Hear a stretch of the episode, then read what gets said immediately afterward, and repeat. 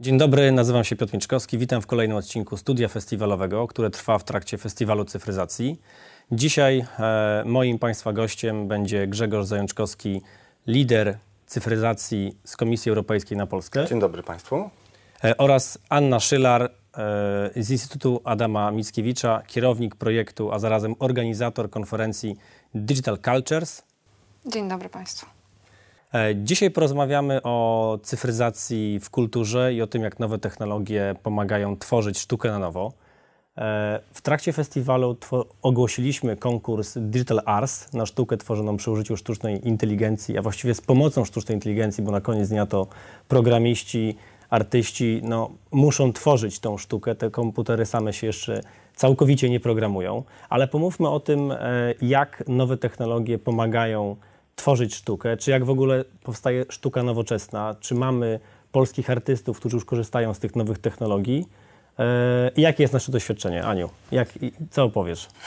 Nasze doświadczenie jest e, coraz większe i my bardzo cieszymy się, obserwując, jak ten sektor rozwija się w Polsce.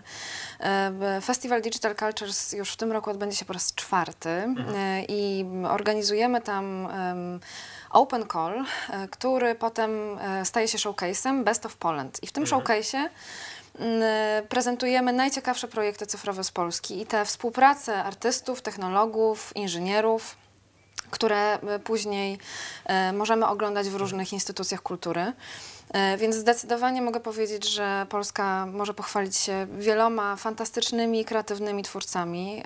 W tym roku w trakcie festiwalu zobaczymy 16 takich projektów, natomiast oczywiście jest ich dużo więcej i mm, my stworzyliśmy taki portal, taką platformę, która nazywa się Trendbook, e, Trendbook Digital Cultures. E, Odsyłam Państwa do, do tego miejsca, gdzie można zobaczyć naprawdę wiele fantastycznych realizacji zarówno twórców, jak i instytucji e, polskich właśnie w tym obszarze.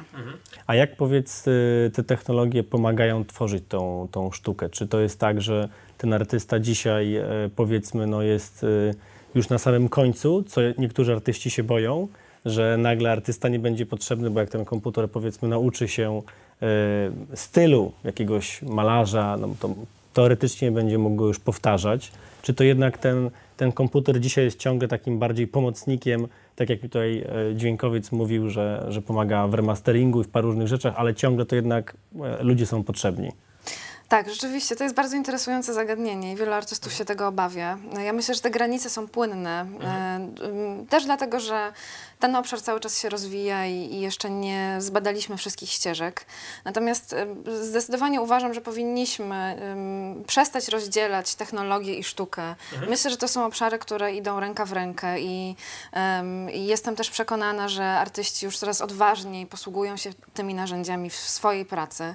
My widzimy te realizacje właśnie na styku bardzo klasycznych dziedzin, takich jak sztuki wizualne, taniec, balet nawet e, i właśnie e, technologii. E, W trakcie jednego z programów rezydencyjnych, który mm, teraz realizujemy, Art House, artystka, performerka Iza Szostak współpracuje z technologami, używając trackerów do śledzenia ruchu, właśnie po to, żeby wypracować nowe formy poruszania się i tańca na właśnie przykładzie ruchu awatarów e, w przestrzeni Powie- po- wirtualnej powie- rzeczywistości. Powiedziałaś o rezydencji. Czy mogłabyś powiedzieć, na czym to polega? Jasne. To jest nowy projekt, który uruchomiliśmy w trakcie pandemii. Ym, Instytut Adama Mickiewicza realizuje ym, rezydencje i wizyty studyjne regularnie. Natomiast oczywiście w związku z tym, że nie mogliśmy ym, podróżować tak swobodnie jak wcześniej, uruchomiliśmy w tym roku program rezydencji online Art House, gdzie artyści, 20 artystów z Polski, współpracowało z 10 ekspertami z zagranicy, rozwijając projekty właśnie na styku różnych dziedzin. To były projekty od sztuk wizualnych właśnie przez teatr, taniec, y, literaturę ym, i e, technologię. Także Ale teraz rozumiem, te... ale poznali się online, działali online, czy spotykali się gdzieś tam w wyznaczonej powierzchni i streamowali, tudzież, y, no nie wiem, y, pojedynczo jakoś łączyli pewne elementy, bo mm, powstały, muszę przyznać, w trakcie pandemii ciekawe produkcje, gdzie widziałem naprawdę nie wiem jak to było zrobione, ale podziwiam, 200 muzyków e, grających na raz e, e, jakiś utwór, tak? I no to widziałem, że no każdy był w swoim domu.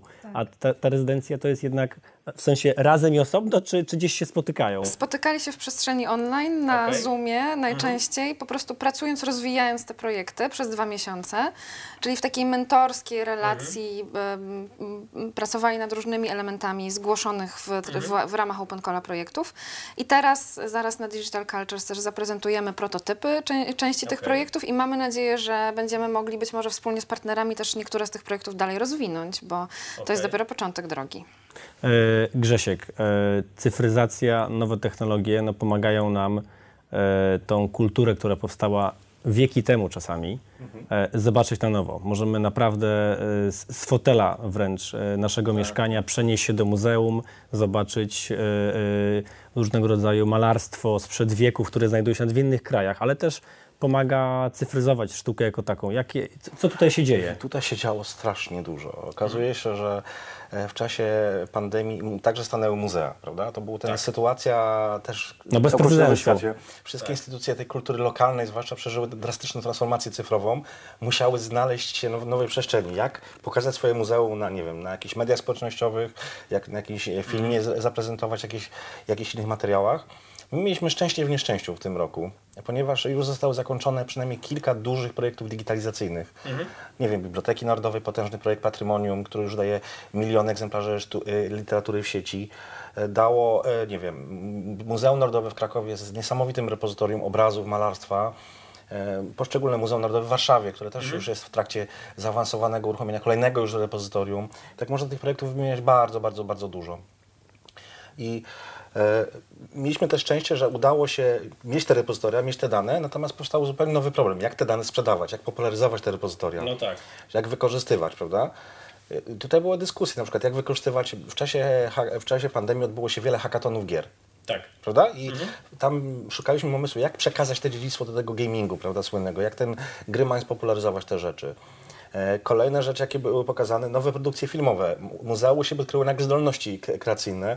Muszę powiedzieć, że najlepszy przykład Muzeum Zamek Królewski na Wawelu, który Właśnie chciałem się podpytać, kto sobie poradził do ciebie najlepiej? Zamek Królewski na Wawelu zrobił to absolutnie genialnie po prostu. Prawdę mówiąc, sam czekałem na kolejny odcinek, żeby zobaczyć, gdzie kolejny obraz z niesamowitym opisem tych kuratorów e, pracujących tam na co dzień. To zdecydowanie najlepsze w Polsce w ogóle odkrycie, że Zamek Królewski na Wawelu zaczął być niemalże własną telewizją. Mhm. A powiedz mi, czy, czy mamy gdzieś jakieś takie miejsce, bo chyba tego mi się tutaj brakuje, takiego miejsca, a może taki projekt właśnie trzeba stworzyć, gdzie to wszystko jest jakoś zmapowane, bo ja powiem szczerze, jak miałem, moje doświadczenie jest takie, że działo się sporo, VOD e, Teatru Wielkiego, par, no, też zajrzałem do portalu, o którym w sumie nie byłem świadomy, tylko dowiedziałem się z gazet, że jest, Ninateka. E, parę różnych rzeczy poglądałem, ale mi brakowało osobiście takiego jednego miejsca, który by pokazywał, e, co ja mogę, bo Znaczy, to, to ja, ja się bar... od lat już tak naprawdę. Ja To się jest- bardziej dowiadywałem po prostu z gazet, że o, teraz, y, prawda, ty, te dwa muzea dają zbiory, te robią kolejne, ale kurczę, nie ma takiej mapownicy, bym to nazwał. Znaczy nie? powiem tak, w czasie pandemii troszeczkę Ministerstwo Kultury zaczęło jednak mapować te poszczególne rzeczy i na swoich mediach społecznościowych umieszczać kolejne informacje o kolejnych rzeczach. Gdyby mnie to, to bym się sam zaginął. Ja te projekty na, w miarę nieźle znam. Część współtworzyłem albo tworzyłem nawet. I też nie wiedziałem, że tyle się dzieje. Także ilość była niesamowita i brakuje, raczej, może są te portale, ja go nie znam jeszcze w tej chwili, takiej bieżącej informacji o kulturze cyfrowej, prawda? Tak. Znaczy, m, my w ogóle w czasie pandemii odkryliśmy u siebie nowe w ogóle powołanie. Cyfrowa humanistyka, coś co do tej pory było mówione na pograniczu, prawda? Ko- kon- tak, konferencja tak, tak, kultury cyfrowej to jest konferencja cyfrowej humanistyki jednak, jakby nie patrzeć. Nagle okazało się, że możemy tę cyfrową humanistykę zdefiniować całkowicie na nowo, e, zobaczyć jak to się je tak do końca, kreować tą, e, kreować tą sztukę, popularyzować tą sztukę, popularyzować informacje o tej sztuce. No, projekt Kronika, o którym mówimy, jest takim elementem tego łączenia tych zasobów, przede wszystkim w obszarze dziedzictwa i nauki. Czyli będzie jedna wyszukiwarka dla tych wszystkich zasobów, ale to dalej nie jest wystarczające. Musimy szukać nowych pomysłów na popularyzację przede wszystkim tych wydarzeń kultury cyfrowej. Te, te, te rezydencje i, i Instytutu Mickiewicza są fantastyczne. Ja już jakieś, podglądałem jakieś fragmenty rzeczy. Chciałbym jeszcze zwrócić inne przypadki. W czasie pandemii także bardzo mocno zająłem się teatrami. Mm, Szczególnie takim teatrem, który mnie fascynował, to był teatr muzyczny w Toruniu. Okej. Bardzo mało znany, który wprost pokazywał, jak się tworzy spektakl online poprzez online. To jest w ogóle niesamowite przeżycie, jak aktorzy uczyli się, wymieniali role, pokazywali rzeczy. To jest szczególnie pozdrowienie dla Adama Mortasa, aktora właśnie z spektaklu, znanego muzyka popowego i przy okazji świetnego aktora, który fantastycznie popularyzował właśnie proces tworzenia teatru przez e, internet. Mhm. No ja jestem świadom e, znanego aktora e, Borysa Szyca, Demuba, I, e, ale to powiem szczerze, coś takiego pewnie pow, powinno powstać w ogóle dla wszystkich teatrów. No taki VOD, taka no ta właśnie Ninateka, gdzie jest jakieś takie miejsce, gdzie ja mogę sobie te, te spektakle Znaczy, oglądać, bukować. skręca w tej chwili. Albo Na przynajmniej, tak jak powiedziałeś, coś jak chyba w Gazecie Wyborczej Znaczy, było, co jest grane, tak? na przykład w Warszawie w ramach e, warszawskich studiów filmowych, Tak, tak. mhm. WDIDF, to się nazywa Teatroteka. I Tylko wiesz, to powinno być, mi się wydaje, na całą Polskę, bo jeszcze, jeszcze powiedzmy, żyję w Warszawie, to jestem świadom, ale gdybym się przeprowadził do Krakowa, to powiem szczerze, nie Dokładnie, wiedziałbym. dokładnie. I my teraz mieliśmy szansę oglądać, tak jak mówisz Grzegorz o, o, o teatrze w- z Torunia. No, nagle okazuje się, że nie musimy wsiadać w pociąg i możemy... No dokładnie, no. W Warszawie opera, e, zespół kameralny, czy to się nazywa opera kameralna w Warszawie, też genialne Tak. w ogóle przedstawienie Tak, tak, tak. online. Ja po prostu w życiu nie oglądałem tyle teatrów w czasie pandemii. Jest Ja powiem szczerze, w życiu nie słyszałem ty, tak długo i znaczy tak często e, koncertów szopenowskich, dlatego że wiele z nich e, było st- streamowanych. Ja powiem szczerze, pracowałem sobie i odpalałem sobie streaming w tle. E, Czasami tam zerkałem, co się dzieje, ale generalnie mogłem sobie posłuchać na żywo e, muzyki. No przecież pracując po godzinach, jakby nie, nie miałbym takiej możliwości być non-stop na tych wszystkich e, e, produkcjach, tak? Ja chciałbym też zwrócić uwagę, że pandemia też była naprawdę niesamowitym okresem poznawania dla mnie, na przykład dla mnie nowych ludzi. E, jakieś tam w ramach moich pasji, zainteresowań poznawałem coraz to kolejne, coraz ciekawsze osoby. Muszę powiedzieć, że najbardziej się poch- e, mogę pochwalić znajomością Grzegorzem Wasowskim, z którym w tej chwili przygotowujemy jakiś wspólny projekt, który bez pandemii w życiu by nie zaszło tak naprawdę. No, w życiu by z tymi ludźmi, z tymi osobami nie mógł współpracować, nie mógł dyskutować z nimi i tworzyć w ogóle nowe kreacje. Całkowicie nowa rzecz. Ja jestem ciekaw, y, w sumie też waszego zdania, jak, mm, e, no to okej, e, Radio Nowy Świat to jest jeden przypadek specyficzny, ale mi się wydaje, że powoli też przełamuje taki, e, i mam nadzieję, że to tak, taki będzie trend, taki mit nie, nie, nie płacenia za kulturę, i, a zarazem płacenia jakimś artystom. I no tu jest akurat po, portal Patronite, ale pewnie jeszcze jest wiele innych portali, poprzez których można wspierać twórców, no bo teraz faktycznie, kiedy oni nie grali, A wiemy doskonale, że, że wielu z nich zarabia na, mówię tu już akurat o muzykach, wielu z nich zarabia na, na, na, na, na, na trasach koncertowych tak naprawdę. Mm, e, To bardzo możliwe, że ten, mm, właśnie jak widzicie, czy ten taki trend płacenia jakiegoś bezpośredniego, niczym jak fan, czy, czy to się, bo niektórzy sobie powiem szczerze poradzili, nawet jakiegoś e, komika, nazwijmy to, czy, czy stand-upera śledzę na YouTubie, gdzie po prostu e, płacę mu 10 zł co miesiąc i tam są progi 10, 20, 30 e, i za, za, za takie wsparcie są oczywiście jakieś gadżety, on może wymienić kogoś na antenie, ale generalnie wspieram jakby artystę w, w, w, w tworzeniu, tak? Tylko wiadomo, nie mogę wspierać 100 artystów, e, no każdy ma tam swoje jakieś preferencje, no ale kilku mogę. Jasne. No ja przyznam szczerze, że w trakcie pandemii oglądałam bardzo dużo różnych rzeczy w sieci i płaciłam em, artystom z przyjemnością. E, Marcin Masecki miał cykl świetnych koncertów, nie wiem czy oglądaliście, Ja nie ale oglądałem. ja oglądałam A co niedzielę. do obejrzenia? E, Niektóre są, bo potem e, m, były dofinansowywane przez ministerstwo w ramach właśnie kultury w sieci, ale, m, ale wcześniej po prostu były streamowane przez Teatr Studio z domu Marcina Maseckiego w Berlinie i e, naprawdę to były fantastyczne weekendy i ja z przyjemnością potem wpłacałam e, różne kwoty. E, Myślę, że wiele osób to robiło, tak samo z teatrami. I my- artyści też dość naturalnie do tej sytuacji podeszli. Myślę, że to też zachęci ludzi do tego, żeby w ten sposób też uczestniczyli w kulturze em, po pandemii. I ja gdzieś w obszarze, obszarze kwietnia zrobiłem badanie generalnie e, na poziomie właśnie zespołu lidera cyfryzacji. Zaczęliśmy się przyglądać, jak reagują platformy cyfrowe poszczególne na to, prawda? Poszczególne, nie wiem, e, A poszczególne te największe platformy. polskie, tak? I Player. Nie, właśnie to, Czy masz jeszcze zachodnie jakieś tak inne? naprawdę. A, zachodnie, czyli no, Netflix, bo- Amazon. No o nie, najciekawszym przykładem był Spotify. Spotify Okej. stworzył specjalny program Spotify for Artists, właśnie umożliwiający słuchanie, dotowanie bezpośrednio artystów. prostu. Tak, no, listopada europejska mhm, platforma. To samo, chociaż mało widoczne w Polsce, to było tak samo YouTube zrobił. Tak też mało, nikt tego praktycznie w Polsce nie używał. A to tego nie kojarzyłem, że można w YouTubie... Tak, e, oczywiście. YouTube ma specjalny content, e, dotuj artystę. Jest taki klawisz się pojawia w niektórych sytuacjach. Ale to artysta chyba musi włączyć, rozumiem, tak? Bo... Właśnie tego nie do końca jeszcze wiem. Nie udało nam się to jeszcze dokładnie zbadać tego mechanizmu, ale istnieje taki mechanizm. Okej. E, e, nie, tak samo na przykład Facebook, to trzecia ta platforma, tak samo dokładnie zrobiła mechanizm identyczny. Zresztą Facebook uruchomił ciąg koncertów online, też oczywiście muzyki popularnej. Tak. I Jednocześnie W tym z możliwością miesiącu nawet, płacania, mhm. na artystów.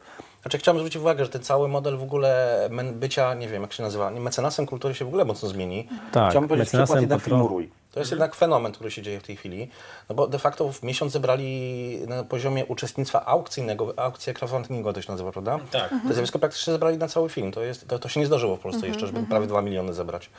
Także Tak, no jest ileś produkcji, mi się wydaje, jak są takie produkcje charakterystyczne i to nieważne nawet politycznej strony, lewej czy prawej, to faktycznie e, takie wy, charakterystyczne, wyraziste produkcje potrafią zebrać pieniądze w, w crowdfundingu. tak, tak, ale my jednocześnie... I to bez względu na poglądy lewe, prawe, No środkowe, tak, ale z jakkolwiek. kolei my jako specjaliści musimy jednak pomagać tym artystom w tej chwili. Tak. Ja spędziłem no nieskończoną ilość godzin w czasie pandemii na, na mediach społecznościowych, pomagałem poszczególnym artystom. Jak macie postować rzeczy na Facebooku, jak macie to robić, po prostu nieskończoną A są jakieś właśnie podręczniki? To właśnie chciałem was Już spytać. napisałem Gdzie- właśnie, chciałem powiedzieć, napisałem No to super. Ty, ty- jest taka, a jest, do, jest dostępna online już? dla artystów. Właśnie muszę poprawić i wydać.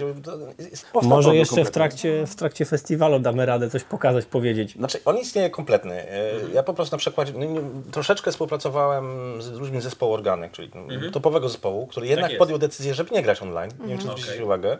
No tak. Zespół Organek podjął decyzję, że nie, jego muzyka nie będzie dobrze brzmiała online. Ja się pełnie zgadzam. Była tylko dostępna na męskim graniu, z tego co kojarzę. Był koncert. To taki stream. Nie, nie, nie. Tylko Tomek Organek wystąpił sam finałem męskiego grania.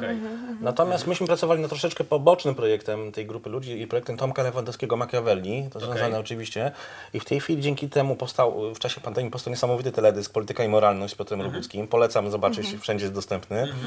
E, I w tej chwili trwa, w ogóle startujemy z nowym projektem dotyczącego drugiego dramatu Machiavellego o nazwie Kilicja. Właśnie z Grzegorzem Wasowskim, Tomkiem Lewandowskim i tą całą ekipą który przygotowujemy właśnie do modelu crowdfund- crowdfundingowego, czyli będziemy starali się znaleźć te środki jednak nie poprzez programy.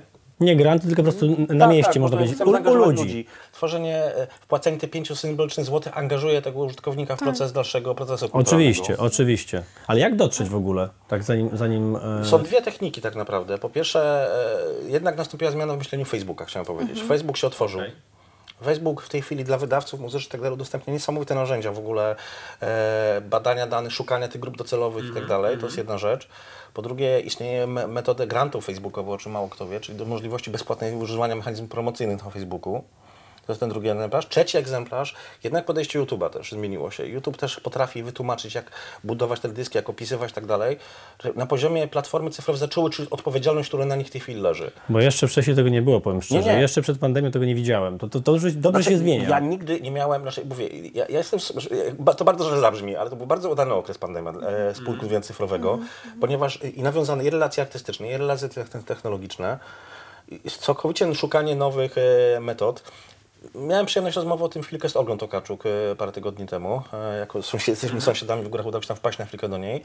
I Olga też znalazła mi- miejsce w tym momencie w czasie pandemii na to, żeby mieć czas na napisanie książki, bo nie jeździ po kolejnych oczywiście ważnych spotkaniach e, noblowskich. Po drugie, też zaczęła coraz więcej doceniać sieć i szukanie sieci informacji. Także to wszystko się zmieniło. Szukamy, musimy tworzyć w tej chwili nową rzeczywistość kulturową i takie rezydencje właśnie EM-u, inne działania budują całkowicie nową rzeczywistość i idziemy w tym kierunku. Ale wracając właśnie, jeszcze chciałam wrócić do początku naszej rozmowy i do sekcji Best of Poland, którą realizujemy w, ra w ramach festiwalu Digital Cultures. Jedna, jedna z gier, która była prezentowana dwa lata temu, Grzegorzu, pewnie pamiętasz, Inculinati. Potem okazało się, że Inculinati y, y, zagościło na Patronite. Mieli cel 25 tysięcy dolarów. Parę tygodni temu sprawdzałam, zebrali 79 tysięcy dolarów. Tak, i chyba dalej to jeszcze coś zbierają. I to jest, tak, to jest myślę niesamowite, że, że rzeczywiście te... Tak, tak, to jest najciekawszy gier kulturowych Tak. w ogóle w tej chwili, która promieniuje w ogóle ale, na cały świat. ale polski. w ogóle kilka gier, muszę przyznać, jestem zszokowany. Kilka gier naprawdę miało przebicie 300-400% z Polski. A opowiem Wam E, ciekawostkę w ogóle w tej chwili, która się rozpocznie się w przyszłym tygodniu. To jest taki projekt uprzedzający. Nie wiem, czy kojarzycie dziedzictwo sceny komputerowej, czyli te takie grupy maniaków z początku lat 90., którzy tworzyli demoscenę. Demoscena. Mhm. Słuchajcie, ogłaszał i w związku z tym udało się opisać to zjawisko demosceny w jakiś tam ob- objęty sposób i od przyszłego tygodnia zostanie rozpoczęty i słuchajcie, wpis e, tego dziedzictwa demosceny na listę Pamięć Świata, Pamięć Polski UNESCO. Więc to A, mówimy czyli- o sytuacji No całkowicie to nowej. przełomowej bym powiedział. Tak. Takie, że ktoś w końcu... Okazuje się, że to się stało już w Europie. My nie jesteśmy pierwsi, to my, my jesteśmy... Finlandia, moim Finlandia stała się Tak. pierwsza i drugie Niemcy. Tak. Okej.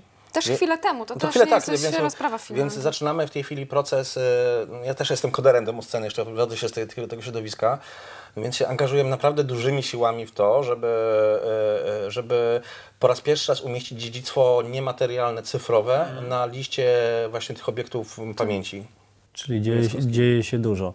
A festiwal kiedy będzie? Digital Cultures? Za chwilę festiwal Digital Cultures rusza 17 października, trwa do 25 października online. Współpracujemy z Ministerstwem Cyfryzacji, projektem Kronika, naszym partnerem strategicznym, wieloma innymi fantastycznymi partnerami, Ministerstwem Kultury również. Zachęcam Państwa do oglądania, będziemy streamować wszystko online. Em, Będziemy też mieć studio festiwalowe, do którego mamy nadzieję zaprosić małą publiczność w miarę możliwości związanej z obecną sytuacją, ale mm, wszystko będzie w sieci, więc naprawdę zapraszam. Super. Ja tymczasem zapraszam do startu w konkursie Digital Arts na sztukę tworzoną przez e, sztuczną inteligencję. No jak widać, świat się zmienia, cyfryzacja i nowe technologie pozwoliły artystom pracować również kreatywnie e, i spotykać nowe osoby w świecie cyfrowym. E, moim Państwa gościem był dzisiaj Grzegorz e, Zajączkowski, lider bardzo. e, cyfryzacji Komisji Europejskiej na Polskę i Anna Szylar, kierownik projektu i organizator eventu wydarzenia Digital Cultures. Dziękuję uprzejmie. Dziękuję. Dziękuję również.